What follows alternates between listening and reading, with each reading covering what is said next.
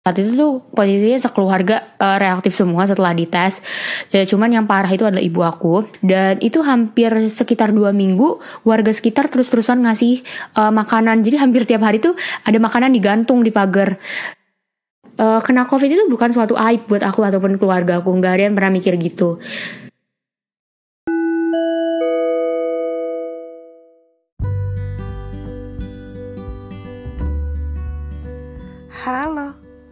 sudah awal tahun saja. Tapi corona belum pergi juga. Reaktif corona. Terus kenapa? Kali ini ada tamu yang ingin bercerita.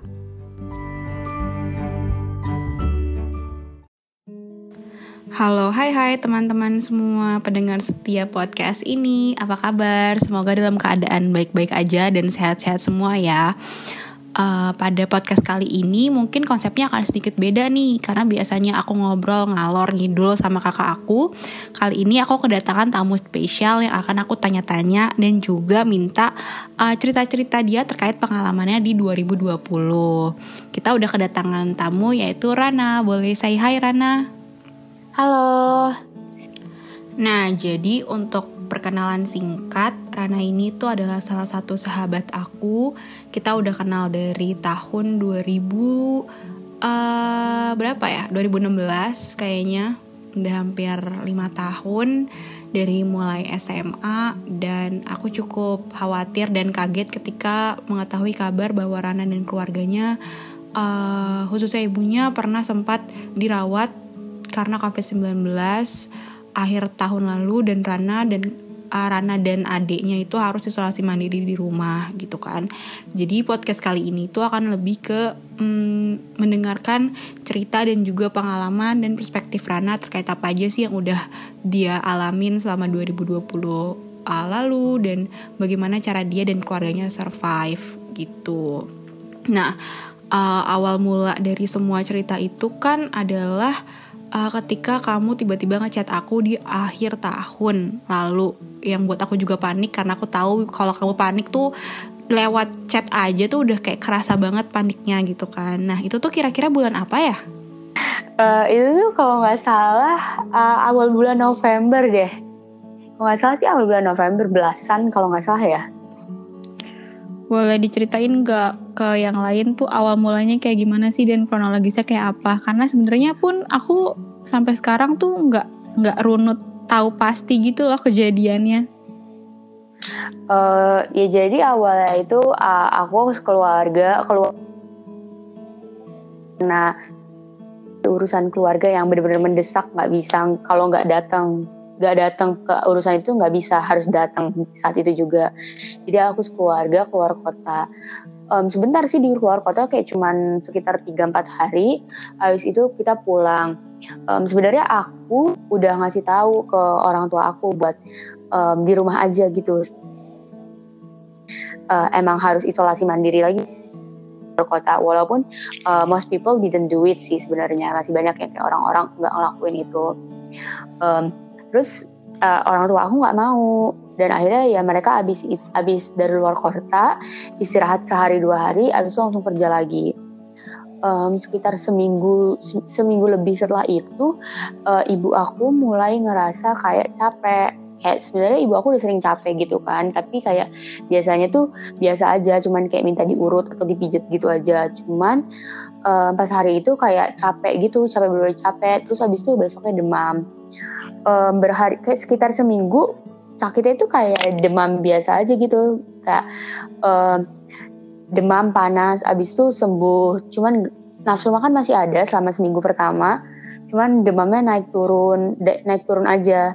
Terus pas udah sekitar seminggu akhir itu mulai ngerasa kayak sembuh udah mulai nyapu masak dan lain sebagainya. Terus memasuki minggu kedua mulai batuk awalnya tuh mikir mungkin batuk biasa karena um, batuknya itu kayak mau ngeluarin dahak tapi nggak keluar gitu. Karena waktu itu aku sempat um, batuk berdahak juga dan gejalanya tuh kayak gitu juga. Kayak gatal tenggorokan minta gatal tenggorokan dan pertama awal-awal itu rada demam gitu. Tapi ujung-ujungnya batuk berdahak Uh, cuman ibu aku ini udah minum obat batuk berdahak segala macam, uh, batuknya itu masih terus. Akhirnya seming pas minggu kedua itu mulai keadaannya itu mulai memburuk gitu. Um, batuknya yang awalnya cuma beberapa kali sekali aja itu lama-lama tuh jadi kayak terus menerus dan akhirnya tuh batuknya tuh sampai yang kayak um, susah banget nafas gitu loh. Bener-bener kayak ketika batuk itu dia bener-bener kayak nggak bisa nafas gitu. Bener-bener kayak tercekit banget gitu tenggorokannya. Kayak ada yang ganjel tenggorokannya. Mulai dari situ habis itu nafsu makannya mulai hilang. Terus batuknya batuknya itu terus terusan dan nafasnya itu mulai susah mulai turun turun turun turun gitu. Udah kayak gitu sekeluarga panik banget. Uh, dan udah dirujuk ke rumah sakit. Um, sebenarnya tuh udah feeling pasti kena. Tapi nggak mau nge-swab gitu karena kayak pertama swab mahal dan uh, terus kedua juga takut sama hasilnya. Akhirnya minta rapid dulu. Pasti rapid reaktif. Ya sebenarnya udah tahu sih pasti reaktif. Cuman kayak ya karena rapid murah dan pingin kepastian lebih juga dibandingkan swab uh, akhirnya memutuskan buat rapid. Habis itu setelah rapid uh, ya udah mulai udah mulai kayak pakai masker sekeluarga. Awalnya tuh kayak pas masih awal-awal itu masih masih nggak ada yang pakai masker sekeluarga masih kayak deket-deket sama ibu masih makan bareng satu piring dan lain sebagainya. Pas udah mulai ketahuan reaktif baru mulai um, pakai masker jaga jarak dan lain sebagainya. Nggak um, lama dari itu ke rumah sakit buat minta ronsen paru-paru. Ternyata di paru-parunya ada flek tapi dokternya bilang kalau nggak salah um, flagnya itu udah mulai uh, udah mulai mengecil gitu. Mungkin karena itu udah dua minggu udah dua minggu lebih kali ya. Jadi udah mulai mengecil gitu loh. Dan tubuhnya udah mulai buat antibodi sendiri. Terus uh, minta rujukan ke rumah sakit di Palembang. Karena kebetulan tetangga juga ada yang kena COVID. Dan dia uh, itu imunnya tuh lebih lebih lebih parah dari ibu aku. Jadi dia pas hari pertama kena langsung nafasnya habis dan lain sebagainya langsung dibawa ke Palembang dan ibu aku juga akhirnya minta rujukan dibawa ke rumah sakit Kodijah di Palembang dan akhirnya dirawat di situ. Alhamdulillahnya di situ karena itu rumah sakit pusat buat orang-orang COVID, jadi ditangani dengan baik juga. Jadi dikasih kayak uh, ventilator buat nafas. Jadi nafas ibuku itu lebih lebih baik lagi lebih baik karena sebelumnya itu kan kadar oksigennya itu nurun gitu. Kemarin tuh pas dicek di rumah sakit awal-awalnya kadar oksigen itu sekitar 80 ke bawah. Jadi benar-benar udah di bawah normal gitu. Pas dibawa ke sana alhamdulillah makin baik. Kadar oksigennya mulai naik ke 80 ke atas walaupun belum mencapai normal. Terus sekitar se kayak sekitar berapa ya, seminggu lebih 7-8 hari dirawat di sana udah mulai ngerasa baik uh, akhirnya minta pulang dan kata dokter di swab dulu untuk pulang nunggu hasil swab uh, ternyata negatif udah dua kali swab dua-duanya negatif akhirnya dibolehin pulang. Uh, untuk aku adik aku sama ayah aku juga semua udah swab dan alhamdulillah semuanya negatif. Uh, gitu aja sih aku ceritanya. Ya not something special tapi uh, ya yeah, unforgettable memories sih. Sebenarnya kena kena covid itu benar-benar kayak stres banget. Aku sampai turun berapa kilo waktu itu gara-gara stres banget mikirinnya. Jujur ketika kamu cerita uh, perasaan kepanikan ketakutan itu tuh aku ikut merasakan kembali lagi loh. Kayak uh, ketika kamu kayak ngechat aku kayak anet uh, gue harus kayak gimana? gitu kan. Tuh kayak balik lagi sekarang rasain lagi gitu kan. Dan kayak aku tau banget iya benar bingung banget ketakutan apa yang kamu rasakan gitu.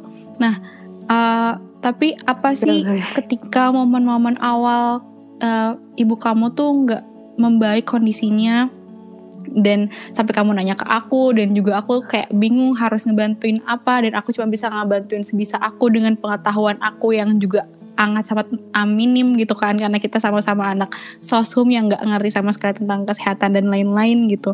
Nah apa sih hal yang uh, terlintas di uh, pikiran kamu pada saat itu gitu? Uh, yang pasti panik ya, panik banget. Jujur saat itu panik banget. Uh, jujur saat itu panik banget. Terus emosi bener uh, ada di kepala lagi aku tipikal orang yang bener-bener kayak gak bisa mikir positif pasti selalu negatif jadi langsung mikirnya tuh langsung aneh-aneh dan itu bener-bener kayak depressing banget pas saat uh, ibu aku nggak kunjung membaik. Nah, terus apa yang pada akhirnya tuh bikin kamu kalau ngerasa bahwa oke okay, gue harus um, tetap waras nih di tengah ketidakwarasan kenyataan yang dijalani gitu? Uh, jujur kalau dibilang waras pas waktu itu aku nggak bisa bilang aku bahkan nggak bisa bilang kalau diri aku waras pas saat itu. Aku bahkan bisa bilang kalau diri aku udah nggak waras pas pas kejadian itu aku udah nggak waras. Tapi mungkin yang bikin tetap bertahan itu adalah um, berita-berita uh, yang ngasih tahu kalau kayak ada loh orang-orang yang sembuh itu banyak. Banyak ratusan ribu orang ratusan juta orang yang sembuh di berbagai belahan dunia tuh ada. Dan aku yakin ibu aku pasti bisa sembuh dari um, COVID-19 ini. Karena kayak dia masih punya semangat buat sembuh dan aku tahu dia pasti tetap dia pasti pingin sembuh. Siapa sih yang nggak pingin sembuh gitu loh? Jadi uh, yang ngebuat aku bertahan itu adalah uh, adalah pikiran bahwa ada orang yang bisa sembuh dari penyakit itu dan juga kayak kemauan dari ibu aku sendiri yang emang pingin sembuh. Mungkin tapi kalau dibilang waras apa enggak aku kayaknya udah nggak waras sih saat itu.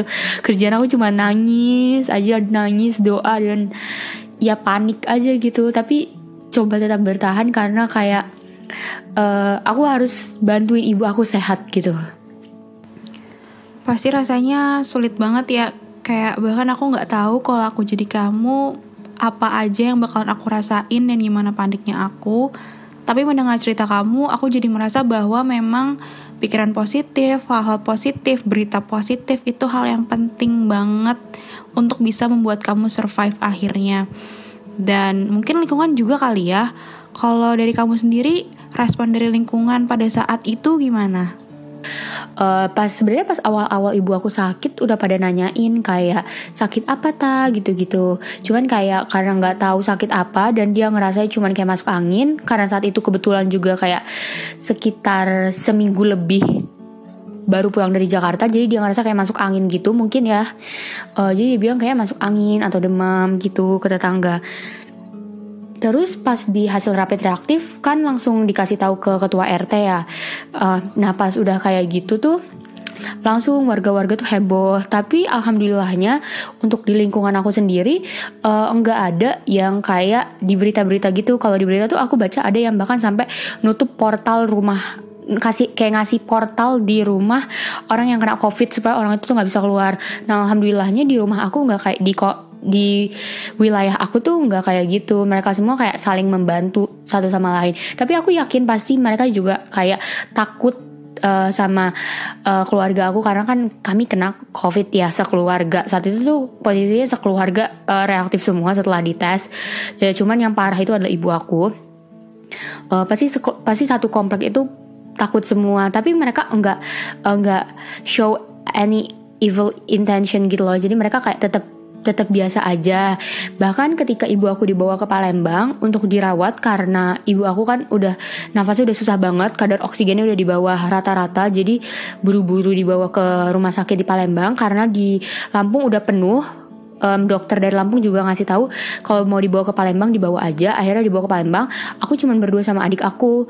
Dan itu hampir sekitar dua minggu warga sekitar terus-terusan ngasih uh, makanan. Jadi hampir tiap hari tuh ada makanan digantung di pagar Ag, uh, terus juga hampir tiap hari ditel ditelepon ditanyain sama warga sekitar um, gimana keadaannya. Uh, terus juga pemerintah sini cukup kooperatif. Untuk puskesmasnya sendiri juga nanyain uh, aku ada gejala atau apa? Dikirimin obat dan segala macam. Jadi menurut aku untuk tanggapan orang sekitar tuh mereka cukup baik sekali sama sangat amat baik berbeda dengan um, kebanyakan dari berita-berita yang aku baca.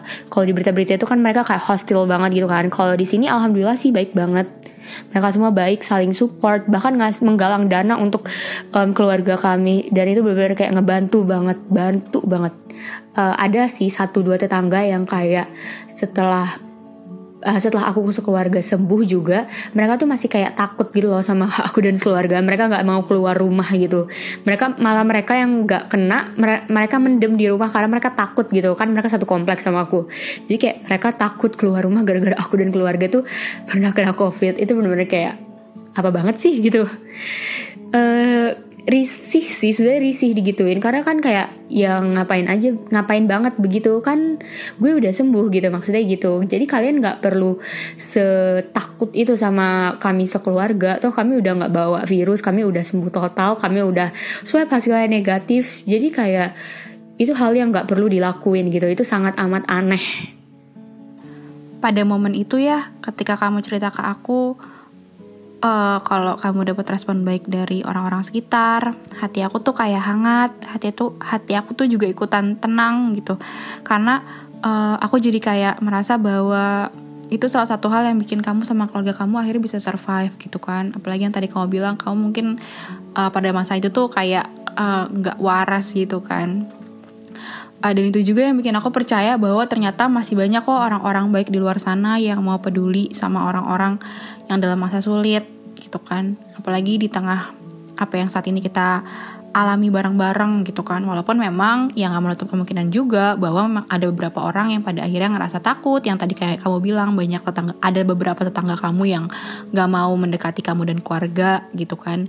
Ya itu juga salah satu yang kayak jadi kekhawatiran kita bareng-bareng gitu kan. Tentang kalau sebenarnya ya ya it's fine gitu udah nggak ada yang perlu dikhawatirin lagi gitu kan Nah, tapi uh, dengan tanggapan positif itu tuh uh, apakah itu salah satu hal yang bikin kamu akhirnya speak up untuk menyatakan diri kamu corona ke orang lain, ke orang-orang banyak? Uh, atau uh, ada nggak sih hal lain yang membuat kamu tuh berpikir bahwa memang uh, mengucapkan kalau kamu dan keluarga kamu itu corona itu hal yang penting karena kan yang kita tahu sendiri bahwa masih adalah beberapa orang yang pada akhirnya tuh memilih untuk diam aja karena takut dengan uh, stereotip dan prasangka-prasangka buruk dari orang-orang lain terkait dengan orang dengan virus corona gitu. Uh, aku nggak mencoba menutupi um, ini ya apa sih nggak mencoba menutupi um, kalau di keluarga aku udah ada yang kena covid itu enggak. Bahkan keluarga besar udah tahu se semua kalau kami sekeluarga kena covid. Jadi kayak nggak ada yang ditutup tutupin karena uh, kasihan juga kalau ditutupin. Kita interaksi sama orang lain. Dan aku merasa mereka harus tahu apa yang terjadi sama aku. Supaya uh, mereka yang interaksi sama keluarga aku tuh kayak langsung aware oh aku baru interaksi sama keluarga mereka. Apakah aku bis apakah aku kena juga? Dan lain segala macam. Sehingga mereka bisa self aware dan mereka bisa misalkan mereka mau swab atau rapid kayak gitu segala macam. Seenggaknya um, biar mereka tuh tahu. Mereka juga mereka habis berinteraksi sama keluarga aku yang kena covid. Biar kayak memutus tali rantai gitu nggak sih? Kurang ngerti juga sih tapi kayak nggak ada yang ditutup-tutupin karena ya emang ngapain ditutupin? Ini bukan kena covid bukan suatu aib buat aku dan keluarga aku jadi kayak nggak ada tutup-tutupan. Silahkan kalau orang mau tahu ya tahu aja. Kali toh kita udah sembuh sekeluarga kalau kalian masih takut gara-gara kami sekeluarga pernah kena covid ya udah itu pilihan kalian toh sekarang uh, buktinya aku sekeluarga sehat-sehat aja udah bisa um, keluar rumah lagi nggak mesti mendem di rumah lagi. Jadi kayak ya udah kok uh, kena covid itu bukan suatu aib buat aku ataupun keluarga aku nggak ada yang pernah mikir gitu. Dan tetangga aku juga kayak biasa-biasa aja waktu tahu kami hasil swab keluarga udah negatif ya ya udah kayak kembali berinteraksi seperti biasa aja. Nggak ada kayak um, takut-takutan gitu aku pengen ngasih tahu ke orang-orang kalau mereka yang untuk untuk mereka yang kena covid. Kayak jangan malu kasih tahu aja gitu loh. Kena covid tuh bukan aib. Kalau kalian malah diem mendem gak ngasih tahu siapa-siapa tuh malah kasihan orang-orang yang pernah interaksi sama kalian. Bisa aja mereka nggak kena tapi mereka ngebawa gitu ke keluarga mereka. Misalkan di keluarga mereka ada orang-orang yang udah lebih tua lansia nenek kakek dan lain-lain. Yang mana itu kalau untuk lansia tuh lebih susah sembuhnya dan ka kayak kasihan gak sih kalau mereka itu gak dikasih tahu tiba-tiba udah kena aja? Itu kasihan. Makanya penyebaran itu banyak karena kayak many people choose to stay silent. They didn't want to reveal that the fact that they they're, they're infected by covid. Karena ya malu aib. Padahal tuh yang gak gitu kalau emang kena ya udah kasih tahu aja. Kan toh kalian bisa sembuh walaupun ini menular toh kalian bisa sembuh. Kita kan mau memutus mata rantai ini ya. Jadi kayak ya harus dikasih tahu gitu loh. Kalau menurut aku sih gitu Uh, iya bener-bener. Aku setuju banget sama pandangan kamu. Kalau ya memang seharusnya di tengah kondisi yang saat ini uh, angka corona meningkat di Indonesia terus kita bahkan masih banyak orang-orang yang tidak memerdulikan protokol dan lain sebagainya uh, sehingga menjadi penting banget untuk kita sama-sama uh, mau untuk uh, self awareness dan juga bukan untuk diri kita sendiri dan juga untuk orang lain gitu kan. Dan aku semoga, semoga berdoa semoga banyak orang di luar sana yang punya keberanian yang sama dengan kamu untuk menyatakan dirinya corona terlepas dari stereotip apa yang akan mereka dapatkan. Dan semoga juga uh, kita nih sebagai kita orang-orang yang uh, punya kesadaran itu juga mau untuk akhirnya uh, terlepas dari melepaskan diri dari stereotip-stereotip yang ada gitu bahwa memang ya corona ini sebuah virus gitu. Dia bukan sebuah aib yang harus kita olok-olok dan harus kita jauhi orangnya gitu kan. Karena ya balik lagi eh, hal-hal uh, positif respon positif itu adalah hal yang paling penting untuk didapatkan oleh mereka yang uh, yang sedang mengalami corona. Karena ya corona ini kan masalah tentang imunitas. Jadi uh, kondisi fisik kondisi mental itu sangat amat diperlukan gitu kan. Nah mungkin ini akan jadi pertanyaan terakhir aku sama kamu. Sebenarnya aku masih pengen nanya-nanya banyak sih Tapi mungkin waktunya nggak akan uh, cukup gitu ya. Jadi ini akan jadi pertanyaan terakhir. Uh, Kalau boleh kamu mensum up uh, tentang apa yang kamu alami sepanjang 2020 itu apa sih hal penting atau satu pelajaran berharga yang kamu dapatkan? Uh, hal penting yang aku dapat dan aku pelajari dari kejadian ini tuh lebih kayak uh, kalau kenyataan bahwa bahwa um, virus ini tuh nyata dan virus ini tuh bisa menjangkit siapa aja nggak peduli um, jenis kelamin, uh, jenis kelamin, ras, suku, agama atau apa pun itu nggak memandang selama kita manusia, um, virus ini tuh bisa menjangkit kita dan virus ini tuh bukan um, sebuah konspirasi atau apa pun itu yang orang-orang bilang.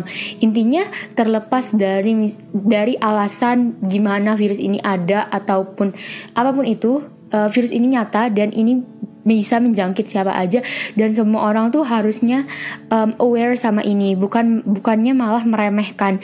Karena ujung-ujungnya mereka yang meremehkan jadinya ya kayak kena. Malah mereka yang kena. Dan itu tuh menurut aku uh, orang-orang harus berhenti meremehkan virus ini. Menurut aku gitu sih Nah, nah, nah, ini juga nih yang aku juga jadi salah satu hal yang aku pikirin. Mungkin memang karena masih minim banget atau aku juga kurang ngerti ya informasi atau mungkin informasi-informasi yang penting tentang corona itu tuh masih sangat amat jarang juga orang sampai yang memahami dan membuat akhirnya di Indonesia tuh masih banyak juga loh orang-orang yang percaya tentang uh, kontroversi dari keberadaan corona dan bikin orang akhirnya ya menghiraukannya, nggak peduli tentang keselamatan mereka dan bahkan bisa membahayakan uh, kehidupan orang lain yang bersentuhan sama mereka gitu. Jadi ya itu tadi menjadi penting untuk self awareness sama diri kita sendiri dan juga peduli sama orang sekitar dan ya sama yang tadi kamu bilang aku suka banget nih sama kalimat-kalimat kamu yang ini nih yang bilang kalau ya corona ini tuh nggak uh, ngelihat sama siapa dia menjangkit dia akan menjangkit semua orang tanpa ngelihat identitas atau apa pun yang melekat dalam diri mereka gitu. Jadi ya mungkin sebagai manusia yang punya pemikiran akal dan perasaan kita bisa sama-sama melawan corona bareng-bareng kali ya tanpa perlu ngelihat apakah dia udah pernah corona atau enggak. Dan atau apakah kita ngelihat kayak oke okay, gue masih sehat jadi gue nggak mau bersentuhan sama orang-orang yang terkena covid. Ya semestinya ya sama halnya dengan covid itu di si Carolina yang jahat ini itu kayak semestinya harus kita lawan bareng-bareng supaya kita bisa sama-sama melewati ini semua dengan baik bisa hidup normal kembali bisa jalan-jalan ke luar negeri lagi bisa makan-makan enak lagi tanpa perlu khawatir kita terkena virus virus corona. Oh iya benar. Uh, Sebenarnya masih mau cerita banyak banget sama kamu ngedengerin cerita-cerita kamu juga yang belum sempat aku dengar. Tapi karena keterbatasan waktu, jadi mungkin podcastnya akan sampai sini aja. Uh, makasih banyak ya udah mau aku undang ke podcast ini dan aku ajak diskusi bareng-bareng cerita-cerita tentang pengalaman kamu dan juga terbuka dan mau sharing-sharing ke eh, orang-orang uh, lain yang ngedengerin podcast ini.